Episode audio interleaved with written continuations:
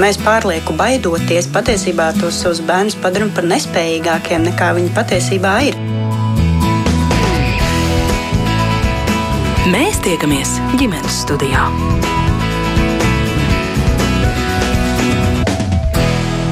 Labdien, klausītāji! Zīžot mammas pienu, mazulis ne tikai remdē izsalkumu, arī atgūst mieru.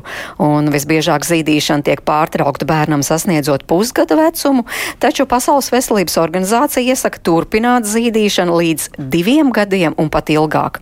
Kāpēc, ko tas dod mazulim, kā ietekmē sievietes dzīvi un kā saudzīgāk pārtraukt mammas un bērnu ciešo, kop, ciešo kopā būšanu, par to šodien runāsim. Man sauc Mērķis Notiņa, un es šeit studijā sveicinu Latvijas zīdīšanas veicināšanas konsultantu asociācijas vadītāju Sandru Lasi. Labdien. Un labdien arī pepmammai un zīdīšanas konsultantei Baibai Kauliņai. Labdien! Raidījuma gaitā sazināsimies arī ar pediatru un miega speciālisti Martu Celmiņu, bet man pirmais jautājums Sandrai Lasei. Tātad reālā situācija kaut kur lasīju, zīdīšanu uzsāk un turpina līdz sestai nedēļai, vairāk nekā 90% jaundzimušo, bet tikai 19% Latvijas bērnu saņem ekskluzīvo zīdīšanu pilnus pirmos sešus mēnešus. Bet Pasaules veselības organizācija iesaka, ka vajadzētu pat zīdīt līdz diviem gadiem. Te ir jāsaprot, ko nozīmē ekskluzīvā zīdīšana. Ekskluzīvā zīdīšana tas ir domāts, ka tikai mātes piens un vairāk nekas. Bieži vien piebarošana arī ar cieto pārtiku tiek uzsākta ātrāk nekā tas sestais mēnesis. Tas nenozīmē, ka pārtraukta zīdīšana. Tas nozīmē, ka zīdīšana turpinās, vienkārši bērns saņem vēl kaut ko citu, un tā tad vairs tā nebūs ekskluzīvā zīdīšana, un tā tad neiekļausies šajā statistikā. Tāpat arī, ja mamma arī pat nelielās devās piebaro bērniņu ar maisījumu, arī tā, tā neskaitīsies ekskluzīvā zīdīšana, un tad viņa arī neiekļūs šajā statistikā. Jo šī statistika bija tieši par ekskluzīvu aktīvo zīdīšanu, kur vienkārši zīdīšana tiek saglabāta kaut kādā formā, tur tie cipari būs pavisam citādāki. Nu, kādi būs tie cipari? Vai jums tas ir zināms apmēram? Uh, nu, līdz sešiem mēnešiem, tad, kad mēs sasniedzām 50% Latvijā, nu, ka tiek saglabāts, ka tā bija. Uh, Tas tāds bija, bija tika uzskatīts par tādu ļoti labu sasniegumu. Tagad es zinu, ka ir nedaudz mazāk, bet, nu, ja godīgi nepateikšu precīzu ciparu, jo mums arī drusciņi tagad sāka mainīties tās rekomendācijas par piebarojumu ieviešanu, tāpēc, ka agrāk viņas tā strikti tika nostādīts, ka no sešiem mēnešiem, tagad parādās rekomendācijas, ka ir iespējams uzsākt arī no četriem. Nu, tā varētu būt, tas nav obligāti, un tāpēc arī tā zīdīšanas statistika mums arī drusciņi var pamainīt pamainīties. Bet eh, mūsu saruna šodien par ilgzīdīšanu, tas nozīmē ilgāk par gadu, vai ne? Jā, tas nozīmē ilgāk par gadu.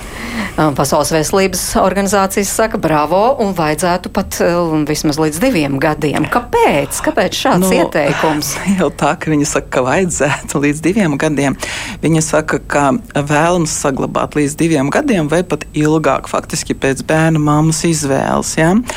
Bet te, protams, ir jāsaprot, ka ir dažādas valstis, ir dažāds ekonomiskais stāvoklis, un kaut kur tiešām bērnam tas ir izdzīvošanas jautājums saglabāt to zīdīšanu pēc gada, nu, vienkārši nepietiekama vai nekvalitatīva uzturu dēļ. Kaut kur attīstītās valstīs, teiksim, bērnam tā zīdīšanas saglabāšana līdz diviem gadiem nav tik kritiski nepieciešama, bet jebkurā gadījumā viņa ir noteikti vērtīga, tāpēc ka mātes piens nekādā veidā nezaudē savu vērtību arī pēc gada. Bet tas jau atkal nenozīmē, ka bērns neēd neko citu. Jā, bērns pēc gada mums jau ēd kotletes no mūsu galda.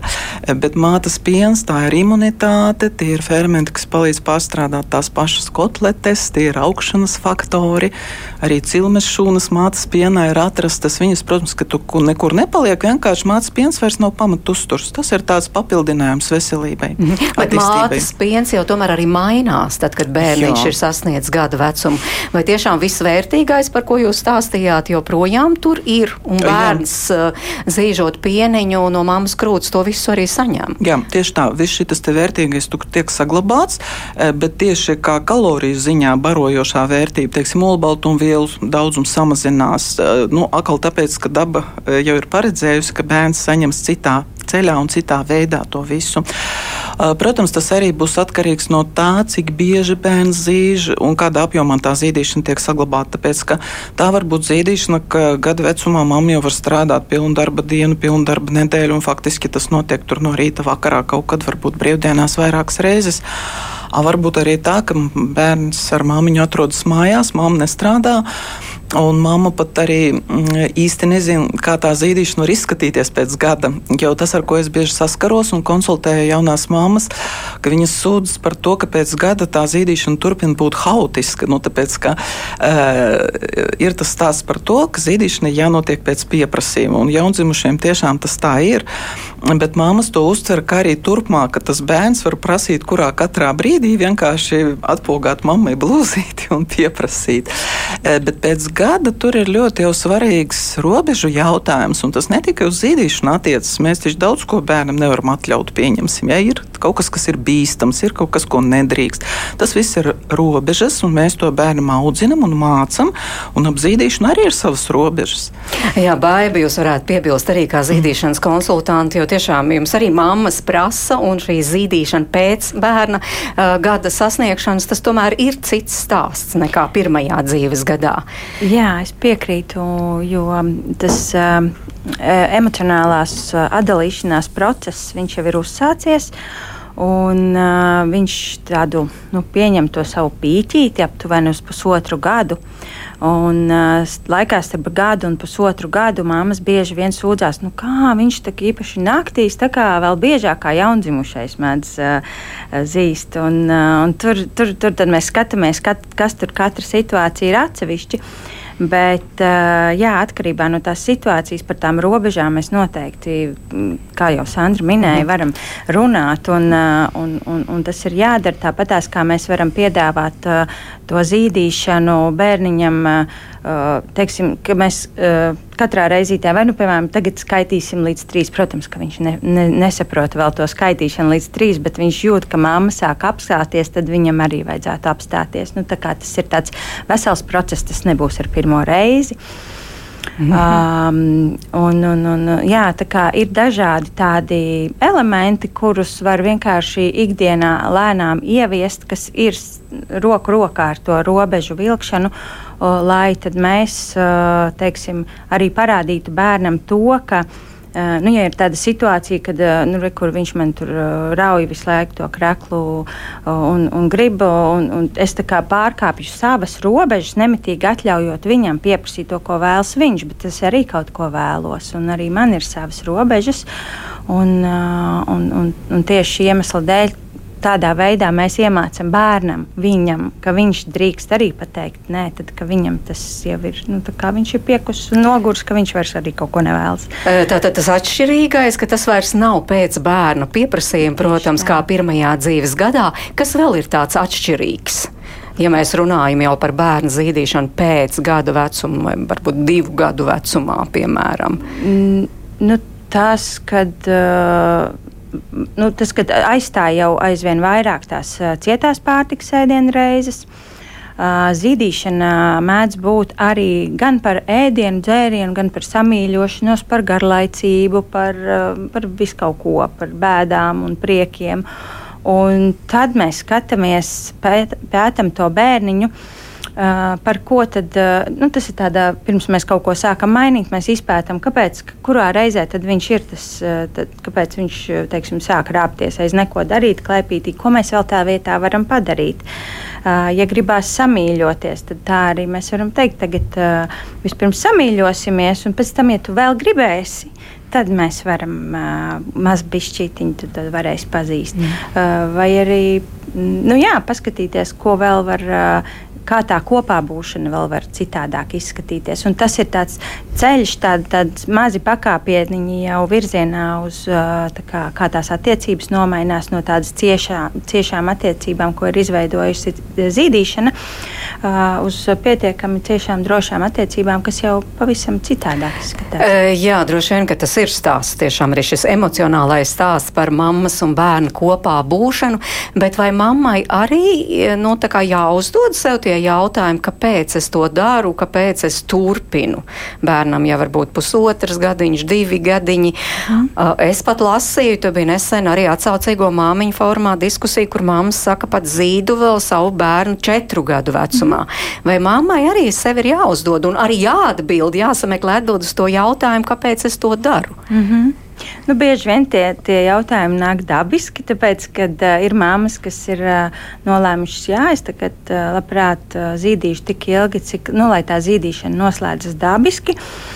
Bet, protams, kad uh, bērni prasa krūti tajos brīžos, arī kad mums, mēs vairs nejaudājam, mums pašām ir jau nu, līdz kaklam kaut kādu citu iemeslu dēļ. Varbūt bērni ir bieži vien slimības laikā, jo slimības laikā krūts ir ļoti, krūts pieniņš ir ļoti vērtīgs, lai palīdzētu atvesaļoties.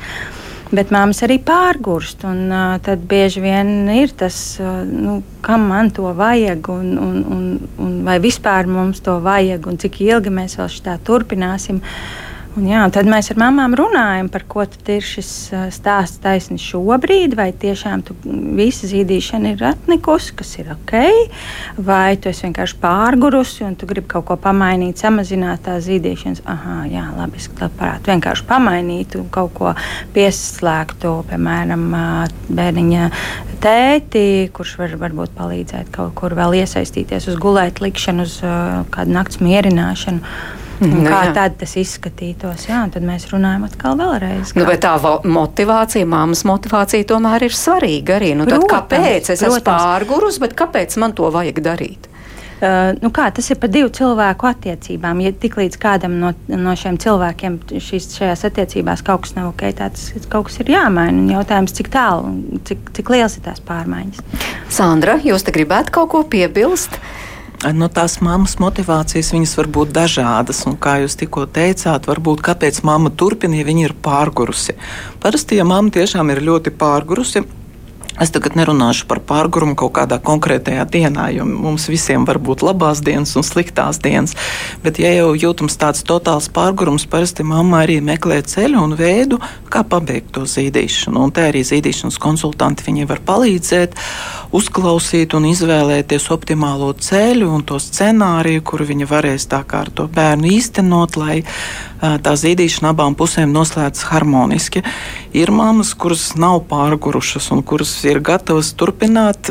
Starp citu, es pati kādreiz biju tāda mamma, un man tiešām bija interesanti, kā tā zīdīšana noslēdzas dabiski, vai tas ir iespējams vispār. Jā? Un tiešām, jā, tas ir iespējams, bet, protams, tas jau bija fonā, ka es strādāju daudz un bieži. Un bērns jau gaida dārziņā, un viņš jau bija ļoti socializēts. Bet viena zīdīšanas reize uz miegu vakarā mums vēl saglabājās. Cik ilgi? Tas bija pāri pa trīs gadiem jau. Jā. Un, uh, tas pat nebija katru dienu. Teiksim, ja manis nav mājās, viņš ļoti smuki kā gulēt bez manis ar tēti vai pat pats. Jā. Bet uh, no nu, kaut kādā brīdī es pēkšņi apjēdzu, ka mums ir beigusies zīdīšana, un es neceros, kurā dienā. es saprotu, ka pagājis kāda nedēļa, bet es neatceros, kura diena bija pēdējā. Bet es nebiju no nogurušajām mamām. Man tas netraucēja, pat dažreiz gluži otrādi. Ka, Es atnāku tieši no darba, un tas bija arī viens no samīļošanās veidiem. Man pat bija tāda sajūta, ka es iespējams kaut kādā veidā kompensēju nu, drusciņu bērnam to uzmanības trūkumu, ko viņš no manis pa dienu nesaņēma. Tāpēc šeit tās motivācijas var būt ļoti dažādas un tās mammu sajūtas dažādas. Jā, Baiba, jūs arī esat gatavi padalīties savās sajūtās, jo jums ir trīs bērni un arī šī ilgzīdīšanas pieredze. Jā, uh, man pieredze ir ļoti līdzīga, kā Sandra stāstīja arī, jā, ka tas, uh, kā tās, ka tie, ka jā, sanāk, nu, trešajā un ceturtajā dzīves gadā jau tās zīdīšanas reizes ir tiešām tādas, kur nu, teiksim, viņas iekļaujās tādā dzīvesveidā, kad bērni var mierīgi aizbraukt pie vecākiem uz vairākām dienām, un tur viņiem netraucē. Arī pilnīgi mierīgi var iztikt visu dienu, un, un tas ir vienkārši tāds kontakta brīdis ar, ar māmu, kādā brīdī pa dienu, un visbiežāk jau tas ir palicis tikai uz aizmigšanu. Uh, jo nu, jā, dzīve bērniem ir diezgan intensīva un pieredzes ir dažādas. Tas palīdz teiksim, viņiem salīdzsvarot viņu. Mēs varam padalīt tos mūsu nervu sistēmu. Jā, bet jāaizbrauc uz vairākām dienām, kā jūs teicāt, pieniņš tomēr neizsīkst mammai. Nē, tur ir vajadzīgs, man liekas, vismaz divas nedēļas, lai tas uh, nu, samazinātos. Tad arī jāskatās pēc situācijas. Bet, nu, teiksim, tad, kad jau ir tik ilgi zīdīts, uh, jā, ja tas ir. Ja mēs runājam pēc diviem gadiem, visbiežāk tur jau tā saucamā involūcijas stadija, ka piena vairs nav daudz, tas apjoms ir pavisam neliels, un mamma var aizbraukt prom pat uz nedēļu un nejust ne mazāko diskomfortu krūtīs.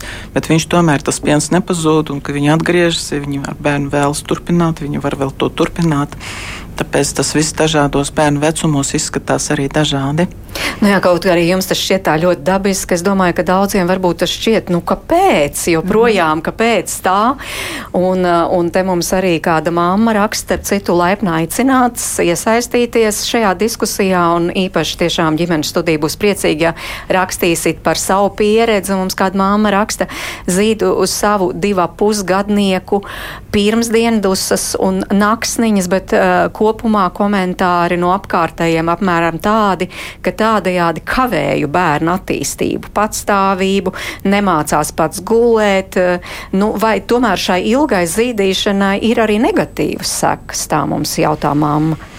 Mm, dažreiz negatīvas īstenībā negatīvas sekas nav no zīdīšanas kā tādas. Dažreiz, ja ir kaut kādas destruktīvas attiecības ģimenē, arī starp bērnu un mammu, jo bieži arī psiholoģi min, ka dažreiz mammas eh, tādā veidā kompensē kaut kādas savas personīgās vajadzības un te velk un velk to zīdīšanu garumā, ka bērns vairs negrib būt, bet tā mamma it kā uzmāc. Īstenībā, eh, nu, tās, es teiktu, tās ir kaut kādas konkrētas cilvēku psiholoģijas psiholoģiskas problēmas, ja vispār tādas pastāv. Un, ja, eh, šāds, ja šāda sieviete arī nezīdītu, tās problēmas viņas būtu tāpat, un viņas vienkārši izpaustos caur citām jomām. Tāpēc zīdīšana kā tāda nevar šeit būt neveselīga, bet ja mm, cilvēkam, sievietei, pieaugušam cilvēkam ir vajadzīga kaut kāda psiholoģiskā palīdzība vai kas, tad gan tas iespējams būtu nepieciešams. Nu, es tagad runāju par savu kaut kādu psiholoģisko problēmu atrisināšanu, varbūt, ja tādas pastāv.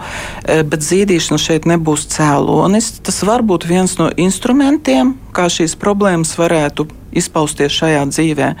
Jo mhm. tikpat labi viņas izpaudīsies, ja šī sieviete vispār bērnu nezīdīja, bet ēdināja mākslīgi. Nu jā, bet izskanēja šajā komentārā, ka tādējādi kavēju bērnu attīstību nu, bērns eh, vairāk saistīts ar mammu, varbūt lēnāk kļūst patstāvīgs un tam līdzīgi. Tā nevarētu būt. Um, es ticu, ka ja mēs atbildam uz bērniņa vajadzībām, kurus mēs sajūtam tiešām kā viņa patiesās vajadzības, uh, mēs tikai iedodam to sajūtu viņam, ka viņš ir svarīgs, viņa vajadzības ir svarīgas un viņam nav vajadzības uh, lieki pieprasīt savu uzmanību. Uh, un, un, un kaut kādā veidā viņa vietā kaut ko mēs. Nu, arī tāpat iemikšana viņa ir saistīta ar mm, to, kā bērna psihi ir nobriedusi. Un, un, un, uh, Un tādā veidā mēs kā, atbildot uz tām viņa vajadzībām, pēc nomierināšanās uz nakti, uz uh, diendusiņu, uh, viņa nervu sistēma iemācās atslābināties, uh, esot kontaktā ar mūsu ķermeni tas ir arī jau kā, mm -hmm. zināms. Un, un tādā veidā uh, bērns iegūst. Es, uh, es nezinu, varbūt ir tādas situācijas, kur mamma savu vajadzību dēļ ņem bērnu klēpī un lai viņš zīž to krūti, jo viņai tas ir vajadzīgs. Bet, uh, bet ja tas tā nav un bērns ir tas, kurš pieprasa, es domāju, ka tur neko nevar viņam, mm -hmm. viņam tas, kavēt. Jā, nekavē, nekavē Nē. bērnu attīstību. Es, es vēl teiktu tā, ja mēs paskatīsimies kaut kādās arhaiskās kultūras, kultūrās, nu arī tagad ir tādas ciltis saglabājušās. Ja? Tur pārsvarā visur ir attīstīta tieši ilgzīdīšana. Un vienkārši, ja tas novestu pie degradācijas, nevis pie attīstības, mēs, domāju, ka šeit šodien nesēdētu un nerunātu.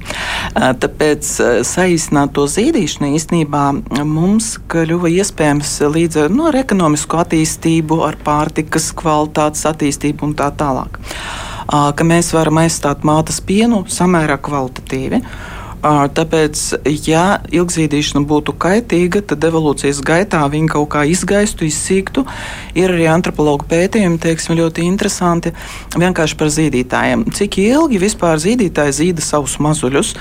Un apmēram tas, tā bilde ir tāda, ka apmēram, kad piena zobi sāk mainīties. Un, ja to projicēt īstenībā uz cilvēku sugu, tie būtu tie 6, 7 gadi. Protams, ka mums neviens parasti nezīd tos bērnus līdz 6, 7 gadiem, bet vienkārši par to, kā, to kā iekārtoja to daba. Ja? Un tas nozīmē, ka tas mātes piens tiem mazuļiem turpina būt vērtīgs, ka viņš veicina attīstību un ka viņš nekādā veidā nevar kaitēt. Lasīju pat, ka tieši runājot tieši par to smadzeņu attīstību, ka tie, kas ilgāk zīdīt, es gan nezinu, vai ir tādi pētījumi, ka, ka tie ir tādi pieņēmumi, ka, ir pieņēmumi, ka, ja? nu, tieši par tādu kā ilgzīdīšanu ne, bet par zīdīšanu kā tādu. Ja zīdīšana bija, ka it kā IQ turpmāk tas ietekmē pozitīvi, bet tas ir tā ļoti, nu, teiksim tā, ļoti precīzu pētījumu, ka tas tieši tā ir, tāpēc, ka tur ļoti daudz faktoru dažādi ietekmē, ja? Uh, nav, bet, nu, tāds pieņēmums pastāv, bet, nu, principā tā, ja runāt par kaut kādu fizioloģiju, smadzenes ļoti intensīvi aug līdz 3 gadu vecumam. Ja? Mēs nevaram piedzemdēt lielu galvu, jaundzimušiem smadzeņu apjoms 30% tikai no pieaugušā. Un līdz 3 gadiem aug tas neokorteks, tā saucamā smadzeņu garoza, kas mums atbild par intelektu, par visu, visu, visu ko. Intensīvi līdz 3 gadiem. 3 gadu vecumā sasniedz 90% no pieaugušā. Un mācības pienā ir tie augšanas faktori, kas tieši īpaši vajadzīgi nervu sistēmas attīstībai, smadzeņu attīstībai Bet vienīgais, ka es tik daudz par to runāju, es ļoti gribētu pateikt, ja mūs klausās kāda mamma, kurai zīdīšana nav izdevusies, lai viņa tagad nejustos, es nezinu, vainīga vai mm, nu, kaut kādā veidā, ka viņa nav izdarījusi kaut ko ļoti bērnam, nu, tā kā es nezinu, neaizstājamu. Ja? Tāpēc jā, tas ir viens no faktoriem, kas palīdz attīstīties. Bet nu, nevienmēr tā, to zīdīšanu izdodas saglabāt tik ilgi. Jā, nevienmēr ir tādas iespējas. Tāpēc mēs šeit katru, katru gadījumu izskatām individuāli. Jo dažreiz arī tā zīdīšana nav iespējama, teiksim, mammas veselības stāvokļa dēļ, mēdz būt arī tā, un pat arī bērna veselības stāvokļa dēļ arī tā mēdz būt. Tāpēc, protams, ka kompensācijas mehānismus daba ir paredzējusi daudz un dažādus, un tāpēc mēs nevaram tā viennozīmīgi pateikt, ka, ja cilvēks netika zīdīts, tad viss tagad mm -hmm. viņa IQ ir nolemts. Protams, ka nē, jā, tā, bet nu, tomēr veselība, tīra ietekme uz veselību, jā. ilgi zīdot bērnu zobiņi. Piemēram, tomēr mammas pieniņš ir salds. Tur, tur ir citādāks cukurs. Um, uh, Vat šeit tiešām ir pētījumi, ka mātes piens viņš uh, nekaitē zobiem. Uh, atšķirībā no maisījuma, starp citu, ja, ja bērns saņem maisījumu, tad tur tiešām ne, neiesaka pēc gada nekādā veidā viņu dot naktī. Nu, ja arī kaut ko vajag, tad aizstāt ar ūdeni, tāpēc, ka tur tiešām tie zobi var būt bojāti ar mātes pienu. Nē. Nu, pirmkārt, tur citādāk notiek tā saņemšana, nu, ka tas krūtsgals ir dziļāk mutē, ka tas piens tā kā nemaz netiek tik ļoti uz tiem zobiem. Tāpēc ne, zobus neietekmē, bet vispār zīdīšana kā tāda, ja nu, par to, ko mums tā kā saka pētījumi, turpmāk cilvēkam samazina onkoloģisko saslimšanu riskus, samazina sirds asinsvadu saslimšanu riskus, diabēta riskus, samazina astmas riskus, mhm. alerģiju riskus, samazina gremošanas sistēmas funkcionālos riskus. Samazina. Bet mm. mammas veselībai tā nav pārāk liela slodze tomēr zīdīt bērniņu mm. divus, trīs, varbūt pat četrus gadus. Nav, starp citu, sievietē arī ir pozitīvi iznākumi no zīdīšanas. Turpmāk tas samazina onkoloģisko saslimšanu riskus reproduktīvās sistēmas orgāniem primāri krūtsvēzis un arī osteoporozes risku spriedumgados. Un tur ir pat rēķināts ar katru bērnu, nu, vai faktiski cik tur tos e, zīdīšanas gadus, e, tur reāli procentuāli tas ir sarēķināts. Baiba, jums te kas piebilstams? Uh, Sandra jau daudz ko pateica. Es dzirdēju arī tajā vienā konferencē, kad arī sirds un asinsvadu veselības uh, riskus samazina. Manuprāt, līdz uh, bija pētīts līdz pusotram gadam. Tur bija uh, vismaz uh, zīdīti bērniņi. Tad mammai bija tā, tas ieguvums, ka viņas uh, sirds uh, un asinsvadu veselība ir riski samazinās. Ģimenes studijā arī kāds pieredzes stāsts un par ilgzīdīšanu un par tieši par savu pieredzi gatava stāstīt divu bērnu mammas armīti. Klausāmies! Nu, ar dēlu, kuram nu jau ir astoņi gadi, tā krūts barošanas pieredze bija līdz uh, aptuveni diviem gadiem, deviņiem mēnešiem. meitiņai. Nu, divi gadi nesen palika. Un šobrīd ir tāda sajūta, ka gribas to procesu noslēgt. Nu, ar vecāko dēlu es vienkārši visu kaut kam ļāvos, un kaut kā tas tā šķita vienkāršāk, un man arī likās, ka es līdzīgi kā ar jaunāko bērnu, ka, ka ir sarežģīti kaut kā citādāk, piemēram, bērnu nolikt gulēt. Es atceros, ka tas lēmums droši vien ar dēlu, kāpēc tik ilgi, bija tieši par diendusām. Jo vakarā varbūt dabiski viņš tāpat aizmigs, bet man tās dienas, eh, tad, kad viņš ir mājās un nav dārziņā, tomēr kā mammai bija tik svarīgas, nu, ka man ir tas mirklis sev, ka man ļoti gribējās, lai viņas tomēr notiek. Un tajā vecumā, jau kad tuvojās trīs gadi, nu, bērns kaut kādos brīžos var iztikt bez tās dienas, un es to saglabāju, tāpēc, lai man būtu tās dienas. Un es arī zināju, nu, es tagad beigšu, tas nozīmē, nebūs vairs dienas. Tā arī bija. Nu, nebija vairs tās dienas, izņemot kaut kādas, nezinu, situācijas, kad viņš tiešām noguris, vai mēs braucam mašīnā, un tur tad vieglāk aizmigt. Nu, tas bija tāds lēmums, jā, tu beidz krūts barošanu un beidzās arī tev šis laiks um, sev. Ar meitu jau es zināju, ka tas varētu būt uh, vismaz līdz kādiem diviem gadiem. Un arī tur, protams, visa tā gulēšana, bet nu, ne tikai. Es vienkārši man tā likās, ka tas ir pareizi. Gan balsoties uz tām Pasaules veselības organizācijas rekomendācijām līdz diviem gadiem, un man tas arī nekādīgi netraucē. Nu, lūk, es nezinu, protams, grūti sniegt kaut kādu novērtējumu par to, kā tas ietekmē bērnu kaut kādu veselības situāciju, bet man bērni abi arī nu, praktiski neslimo. Meita iet dārziņā jau vairāk kā pusgadu. Viņa ir slimojusi varbūt četras dienas, ar dēlu bija tāpatās, bet, nu, protams, nevar jau izsacināt no viena gadījuma, ka tas ir saistīts tikai ar krūts barošanu, jo ir vēl visādi citi apsvērumi, kāpēc bērnam ir labāka vai sliktāka imunitāte. Nu, lūk, un šobrīd ar meitu ir tā sajūta, ka gribas to krūts barošanu pārtraukt, jo Nu, vienkārši gribās vairāk laika arī sev un gribās kaut kā normālāk viņu nolikt gulēt. Bet es arī nezinu, kā to normāli izdarīt. Jo, kad es lieku gulēt uh, meitu, tad uh, citas idejas netiek apsvērtas. Mm, šobrīd ir tā situācija, ka viņi zina, ka tā krūts barošana droši vien ir vairāk uz to uh, gulēt likšanu. Viņi arī to sauc. Viņa saka, čuču, nu, tas ir saistīts ar čučēšanu, jo agrāk es droši vien teicu, ejam čučēt, un tagad viņi to tā apzīmē, ka viņi grib čuču, un viņi jau vietējā gultā viņa apsadzās jau ar paladziņu, un tad, kad kādu brīdi jau tā čuča ir bijusi, tad nu, viņi it kā izliekās, ka guļ, un tad es eju projām, un viņi pieceļās un ir gatavi turpināt to vakaru, un tā vairākas reizes.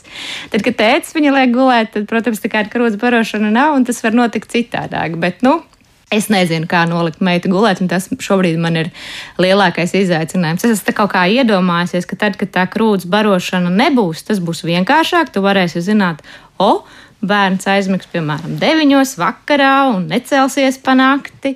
Tas sniegs kaut kādu mierīgāku to naktsmieru un aiziešanu gulēt. Nu, lūk, un tagad es esmu tādu izaicinājumu priekšā, kā to pārtraukt. Es, esmu, protams, lasījusi, ka vajag aizvietot nezinu, ar kaut kādiem citiem rituāliem.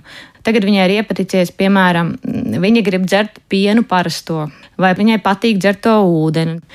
Cenšos tur kaut ko paiet, bet nu, es pagaidām neredzu, kas varētu būt tas veids, kā es bērnu varētu nolikt gulēt bez tās krūts barošanas. Es zinu, ka ir mammas, kuras nu, to krūts barošanu, cevišķi domājot, ka tas varbūt ir pēdējais bērns, nu, ka tur ir tāda sajūta, ka pārtraucot to krūts barošanu, kaut kā pazūd kaut kāda īpaša saite. Es to tā nejūtu. Man liekas, ka ir arī visādi citi veidi, kā nodrošināt to jauko saiti ar eh, bērniem.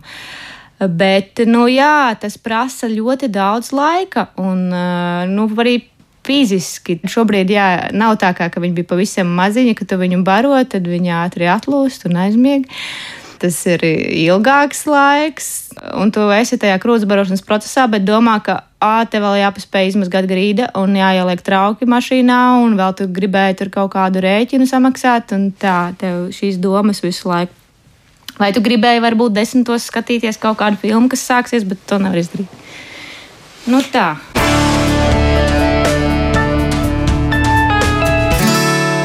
Sarmītas stāstu mēs klausījāmies kopā ar Latvijas zīdīšanas veicināšanas konsultantu asociācijas vadītāju Sandru Lasi un Pepmāmu, arī zīdīšanas konsultanti Baibu Kauliņu, kas ir mūsu studijā, un tūlīt iesaistīšu sarunā arī pediatru miega speciālistu Martu Celmiņu, kur uh, mums seko līdzi mūsu sarunai attālināt, bet gribēju vēl Baibai pajautāt, bieži dzirdat šos stāstus, nu, ka tieši tas ir tas moments, eh, kāpēc tik ilgstoši ir tā zīdīšana, ka tā bērniņš ir pieredzējis aizmigt tieši pie mammas krūts. Jā, diezgan bieži ir tā, tā, tā aizmigšanas stāsts, un tad mēs tur skatāmies, kas ir, kas ir iespējams. Man arī pašai ļoti pazīstams ir šis stāsts, ka tiešām tas, tas tā mierīgā, tas tā dienas pauzīte, tā diendusiņa pat abiem diviem kopā ir, un tā zīdīšana tajā brīdī, nu jā, viņa ir izdevīga. Marta Selmiņa, labdien, ģimenes studijā! Jā. jā, jūs arī klausījāties šo stāstu, jā, kas, jā, kas jums uzreiz te sakāms. Jo, starp citu, mums arī viena māma, piemēram, Manete raksta bērnam pusgads aizmieg tikai pie krūts vai braucot auto vai ratos. Nu, kā atradināt tieši no tā, ka iemieg pie krūts? Mm -hmm. Man ļoti patika klausītājs stāsts, jo man šķiet, ka viņi ļoti iekļaujoši runāja um, gan par vecākiem, kuri izvēlas ilgstoši zīdīt, gan par tādiem, kura, kuri saprot, ka viņiem tomēr eh, nu, būtu laiks to beigt darīt. Jo tas, ko es lielākoties novērojusi sabiedrībā, ir ļoti polarizētus uzskatus. Ne ceļš pēc nekāda māma. Bieži vien iedrošinās pateikt, ka viņi gribētu pārtraukt eh, šo zīdīšanu tieši pirms aizmigšanas, to asociāciju, tad bieži vien saskaras ar ļoti tādu negatīvu reakciju. Un, jāsaka, šādām situācijām, ko māma aprakstīja, es savā praksē, miega poliklinikās saskaros diezgan bieži. Protams, to, ko es vēlētos uzreiz jau pateikt, mammas piens jebkurā gadījumā, pilnīgi bez jebkādām diskusijām, kā jau tika šodien uh, iepriekš runāts, ir vislabākais, uh, vislabākais barības avots bērniņam. Ja? Un tad tā rekomendē Pasaules veselības organizācijas. Līdz divu gadu vecumam bērniņš ir, uh, bērniņam ir vēlams saņemt šo krūts pienu.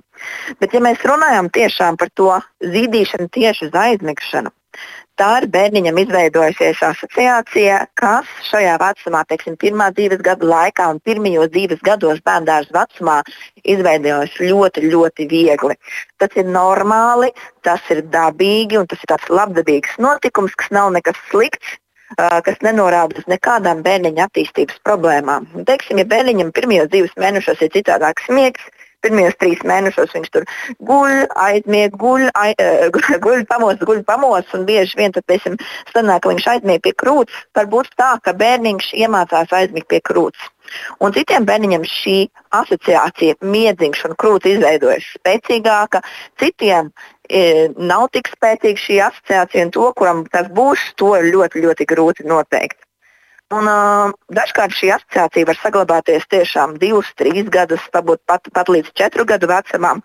Arī atkarīgs no bērniņa, atkarīgs no ģimenes, un vai to pārtraukt vai nē. Arī nav vienas kopējas atbildes, jo ir vecāki, kā jau arī mūsu klausītāji minēja, tā kā viņam ir ļoti spēcīga saite ar bērniņu. Viņiem šī krūts barošana ir svarīgs rituāls. Ļoti Man tik tiešām patīk šīs klausītājas stāsts un, un, un uh, filozofija. Viņa teica, jā, ka um, šo saiti var iegūt arī citādākā veidā dienas laikā. Un tāpēc nav vienas noteiktas atbildes, kas būtu pareizi vai nepareizi. Bet praksē tie vecāki, kuri vēlētos pārtraukt šo ēšanu pirms miega, var darīt dažādas. Eh, es esmu dzirdējis dažādas pieredzes. Pieņemsim, varbūt mamma aizbrauc brīvdienās uz kaut kurien uz divām, trim dienām, un tad bērniņi liek gulēt tētis. Vai arī, pieņemsim, eh, to krūti nedod, bet mēģina bērniņu visādi samīļot citādāk, ņemot rokā, sājājot, žūja, eh, žūžojot.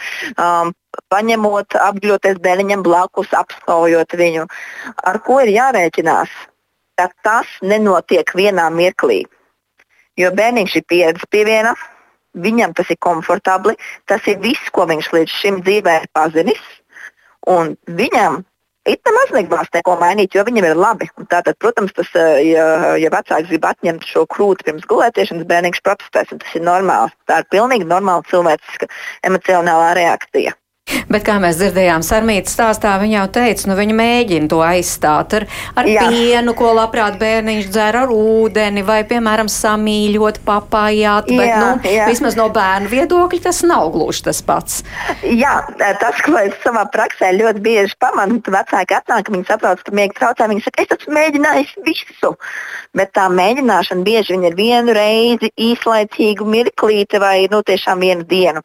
Jāņem vērā, ka bieži vien nepieciešamas vairākas reizes vai vairākas dienas. Jā? Jo, teiksim, iedomājieties, ja jūs braucat limuzīnā katru dienu uz darbu, jums piebrauc pie durvīm savāds un, uh, un, un aizved līdz darba durvīm, jums pa uh, mašīnā tiek pasniegts par seko un, teiksim, lašmaizītes, un jūs izkāpjat ārā pie darba.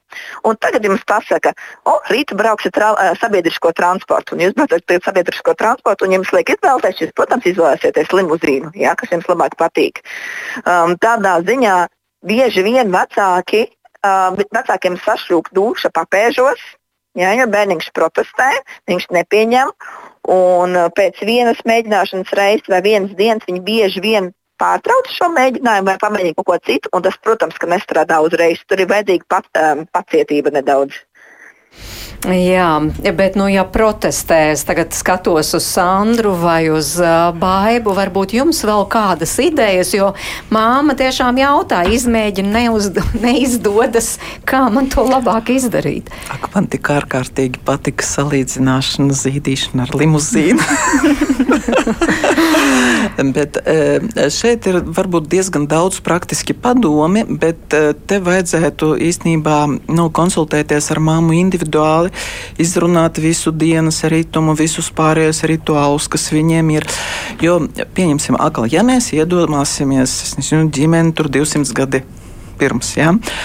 Lauku sēta, liela saime. Nu, kura tā mamma tur ar bērnu sēž istabā no rīta līdz vakaram? Neviena mamma kūtīta dārzā, tur to bērnu paauklēta vecmāmas, vecākās māsas, un tas notiek gandrīz no dzimšanas. Teiksim, tā socializācija bērnam tur uzreiz ir plašākā mērogā, uzreiz. Un tur viņam faktiski gandrīz uzreiz sāk veidoties dažādi tie aizmigšanas rituāli. Nu, tad, kad mamma ir ārpus mājas, loģiski tas būs bez krūts. Tad, kad mamma mājās, tad tas būs ar krūti. Un tādam bērnam īstenībā turpmāk turpmāk eh, nu, aizmigt bez krūts būs daudz vieglāk. Mūsu situācijas, kad faktiski bieži vien ģimene sastāv no tēta, māmas, teica, kas visu nedēļu darbā un tikai brīvdienās viņš parādās mājās. Un, protams, arī mamma nekur negrib iet prom, tāpēc ka vienkārši nu, vajadzīga tā kopā būšana. Un tad bērnam ir ļoti šaurs tas rituālu saraksts, ļoti šaura izvēle. Un tādu bērnu, protams, atrunāt būs grūtāk. Nu, nerunājot par to, ka, kā jau bija teikts, bērni ir dažādi. Ir tādi, kas vispār no dzimšanas pie krūts nemaz neaizmieg. Ir tādi, kas ziež, viņš atlaiž to krūti, viņš pastāv apkārt tur kāds desmit minūtes, un tikai tad viņš aizmieg. Ja? Uh, vissliktāk bērns saprot, ka mamma ir un krūti nedod. To viņi vissliktāk saprot. Mm, tāpēc, tad, kad mēs sākam atrināt no krūts uh, pirms gulētiešanas, būtu ļoti labi, ja kādi vēl citi ģimenes locekļi varētu šeit iesaistīties. Teiksim, kad teicis noliek gulēt, ka bērnam vispār ir tā pieredze aizmigt bez krūts. Protams, tur būs cits gulētiešanas rituāls. Pēc tam nākamais solis varētu būt, ka atdalīt pašu zīšanu no aizmigšanas, jo bieži vien bērns aizmieg ar krūti krūti mutē. Fizioloģiski tas ir pamatoti. Tad, kad bērns zīž, viņam vieglāk aiziet tajā miega stāvoklī, un viņš tiešām pie tā ir pieredzējis. Tā jau izaug visi. Nu, neviens nepaliek ar krūti mutē līdz 16 gadiem. Ja? ja tikai jautājums, kurā posmā un kā tas notiks tā pārtraukšana. Tāpēc viens no veidiem ir atdalīt to zīšanu no aizmigšanas. Pieņemsim, ka sarunāt, ka tagad zīdīšana mums notiek šajā ērtajā krēslā, pēc tam mēs ejam gulēt gultiņā. Pieņemsim, ja? Tas ir vienkārši viens no veidiem. Un varbūt divreiz būs jāpārsēžas turp šurp, jā, bet eh, tas, eh, ka nu, nebūs tā saucamā asociācija tieši uz aizmigšanu, ja šī ķēdīte būs bišķi pārtrūkusi un bērnam būs vieglāk pārslēgties. Pēc tam varbūt tas krēsls pat nebūs katru reizi vajadzīgs. Ja, ja uz tā krēsla sanāk diezgan ilgi, tur atkal var visādu skaitīšanu, noteiksim, sarunāt, ka mēs zīžam, es skaitu līdz desmit, pēc tam mēs ejam gulēt. Nu, labi, varbūt sākumā divreiz līdz desmit būs jāsaskaita, pēc tam varbūt līdz pieciem sanāks. Ja? Tāpēc tādi daudz daudz praktiski, praktiski knifi var būt. Un mēs to, jā, mēs to darām pakāpeniski. Mēs atceramies, ka vienmēr varam atkāpties solīt atpakaļ, ja bērns šodien slikti jūtas vai ir apslimis vai vēl tur kaut kā, vai pašai mammai resursi nav. Bet pakāpeniski, pakāpeniski, ja mamma ir tas mērķis, ko viņa ir nospraudusi, viņa var iet to ceļu. Un tas, kas šodien liekas vispār neiespējams, pēc divām nedēļām izskatīsies pilnīgi citādāk. Tāpēc gan bērns pat tām divām nedēļām būs vēl paudzies un attīstījies, gan viņiem jau cita pieredze būs uzkrāta. Un ar laiku tiešām viss sanāks. Mm -hmm. Ja tiešām mamma to ir tā stingri nolēmusi. Jo, ja mamma nav stingri nolēmusi, viņa pat īsti nav droša, vai viņa grib vai nē, bērni to ļoti labi jūt. Jā, bērni to tiešām jūt, un mēs jau runājam par divgadniekiem, ar kuriem arī daudz var sarunāt. Baiba, jūsu pieredze vai jūsu klienšu pieredze, vai šajā vecumā jau var arī runāt un sarunāt, un kādām tām sarunām būtu jābūt? Jā, es tieši klausījos un uh, gribēju piekrist arī doktorai Celmiņai, ka uh, tas, tas ir svarīgi to rituālu. Tomēr mēs jaunu ieviešam un neatkāpjamies uh, ne tik daudz, kas dzelžaini turamies, jo tieši tā tas var izskatīties tā kā divi soļus priekš, viens atpakaļ, ja tas tā, tā ir apslimšana, un, un, uh, bet galvenais, ka tas ceļš uh, uz priekšu virzās tajā virzienā, bet um, pats galvenais ir šis uh, mammas lēmums, kad viņa jūt, ka jā, es šobrīd esmu gatava un ka viņa to stāsta sev, vienlaikus stāstot arī bērniņam. Bet ko bērniņam tagad, stāstīt? Mammai piens ir beidzies, vai nu kādas nu, varētu būt tās sarunas? Līdz šim stāsts? bija šāda kārtība. Mums bija, es teikšu, pupiņš. pupiņš bija uz miegu, bet tagad uh, darīsim tā, ka, piemēram, es uz tevi pazīdīšu šeit šajā krēslā, un pēc tam, uh, re, kur iesim un teicu, tev palasīs pasaciņu. Pēc tam es tev vēl varu samīļot, bet pupiņš ir šajā laikā. Un uh, šī tad, šīs ir tās mūsu pārmaiņas, un pamazām, pamazām pupiņš beigsies. Nu, apmēram katram ir savi, savu, savs veids, sava valoda, bet tas, tas, tas stāsts, tā sarunāšana ir vienlīdz svarīga gan bērniņam, ka mamma nodod šo ziņu, gan arī mammai pašai, ka viņa pierod pie tā, jo arī mammai ir bailīgi. Tagad ir pārmaiņas, vai es vispār gribu šīs pārmaiņas.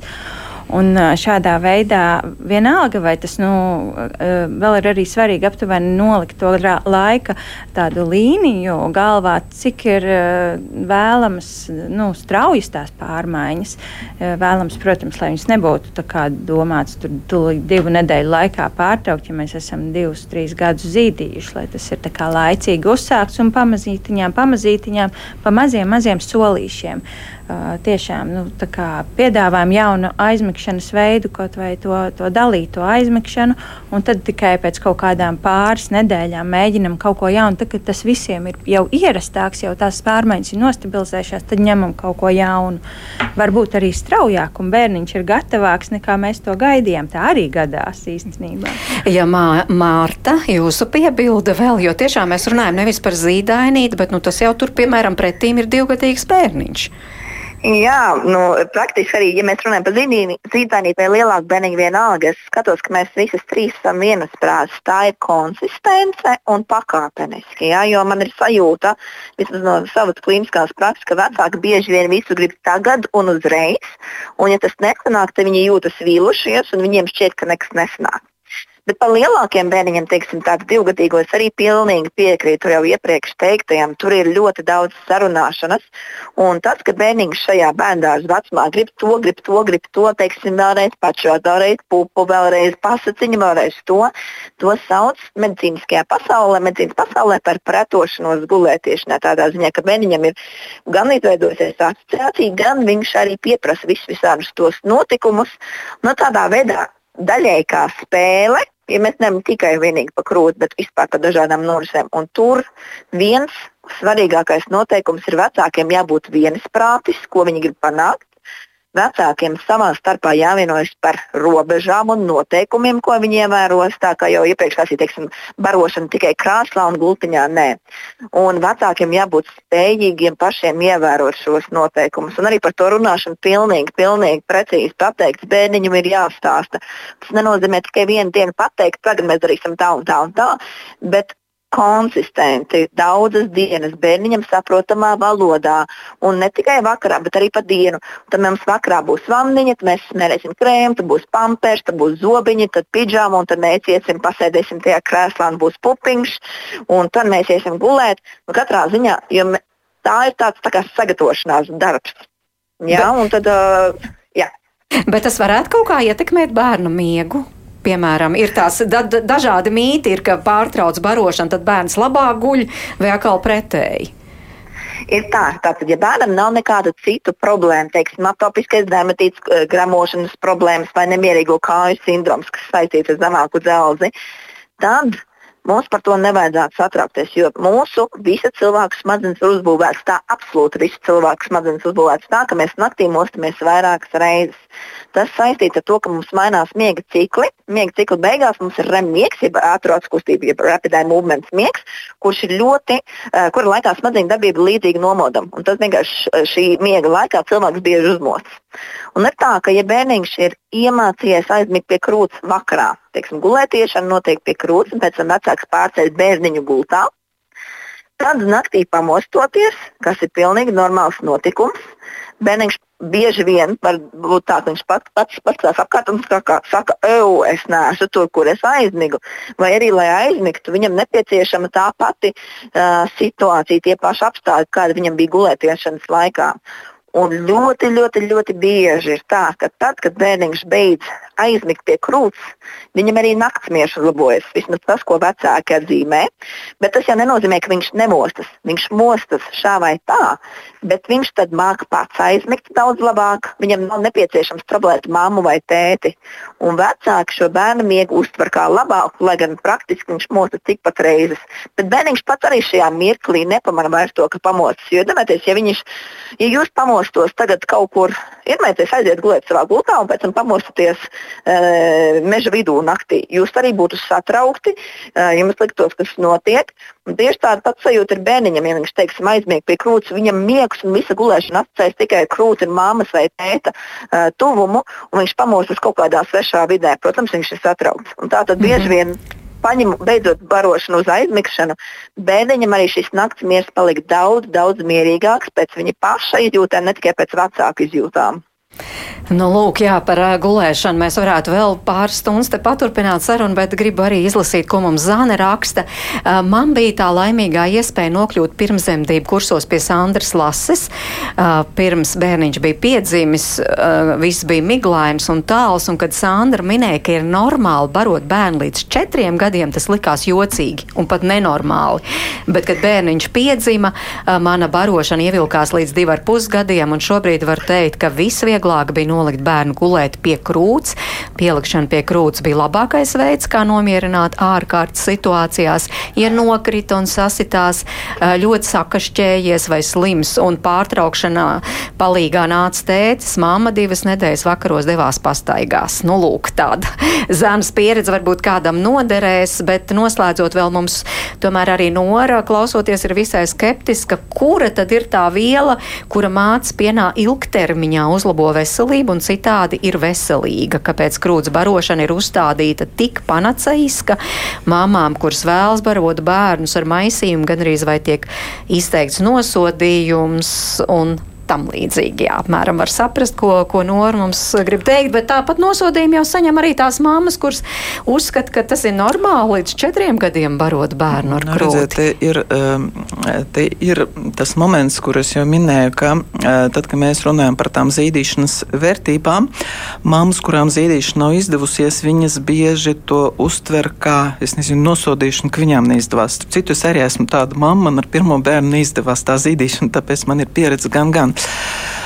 nav pienā kaut kāda īpaša viela, kas pēc tam to bērnu padara gudrāku, veselāku un tā tālāk.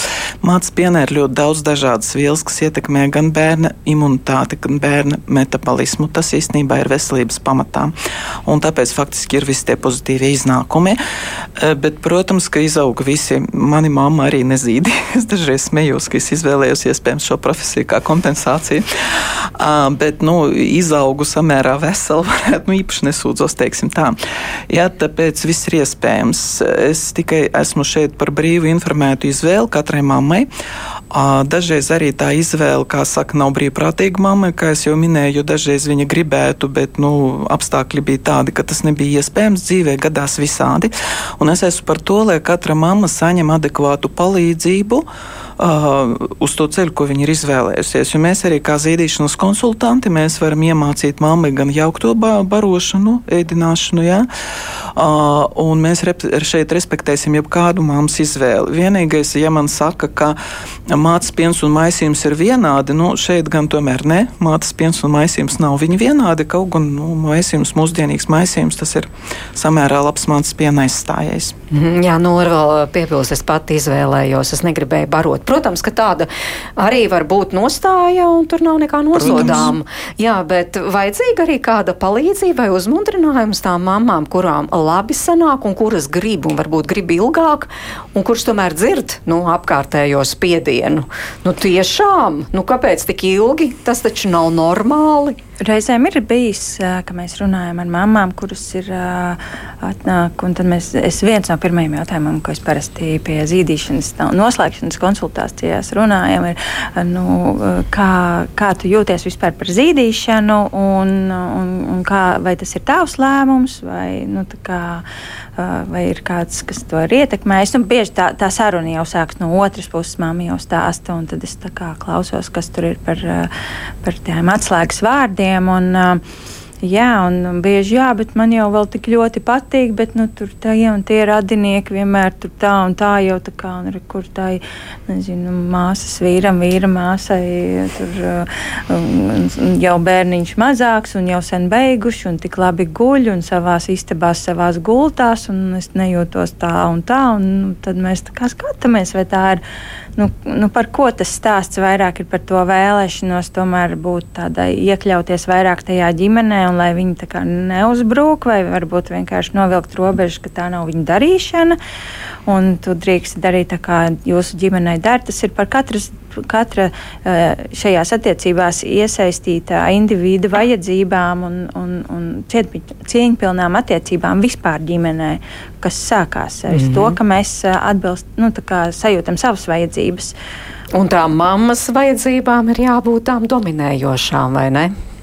nu, un nu, jā, sajūtām. Nu, jā, kā viņai tā, labāk un kā bērnam. Jo tieši tā, ja arī mamma sajūta, ka viņa ir uzsākusi zīdīšanu un tas uh, viņa, nu, kaut kas nav un viņa nejūtas labi ar to, tas ir ok, ka tā ir viņas vajadzība, tad darīt tā, kā viņai dar. Jo, uh, kopumā galvenais ir, kad ir vesels bērniņš, vesela mamma. Un, uh, un šīs attiecības attīstās pietiekami harmoniski. Un, Paldies! Ar šo arī noslēdzam mūsu sarunu studijā. Atgādināšu Sandra Lase un Baiba Kauliņa un arī Marta Celmiņa bija ģimenes studijas viešņas šodien. paldies jums visām un paldies jums klausītāji, ka klausījāties. Pie mikrofona bija Mairītas Notiņa. Visu labu!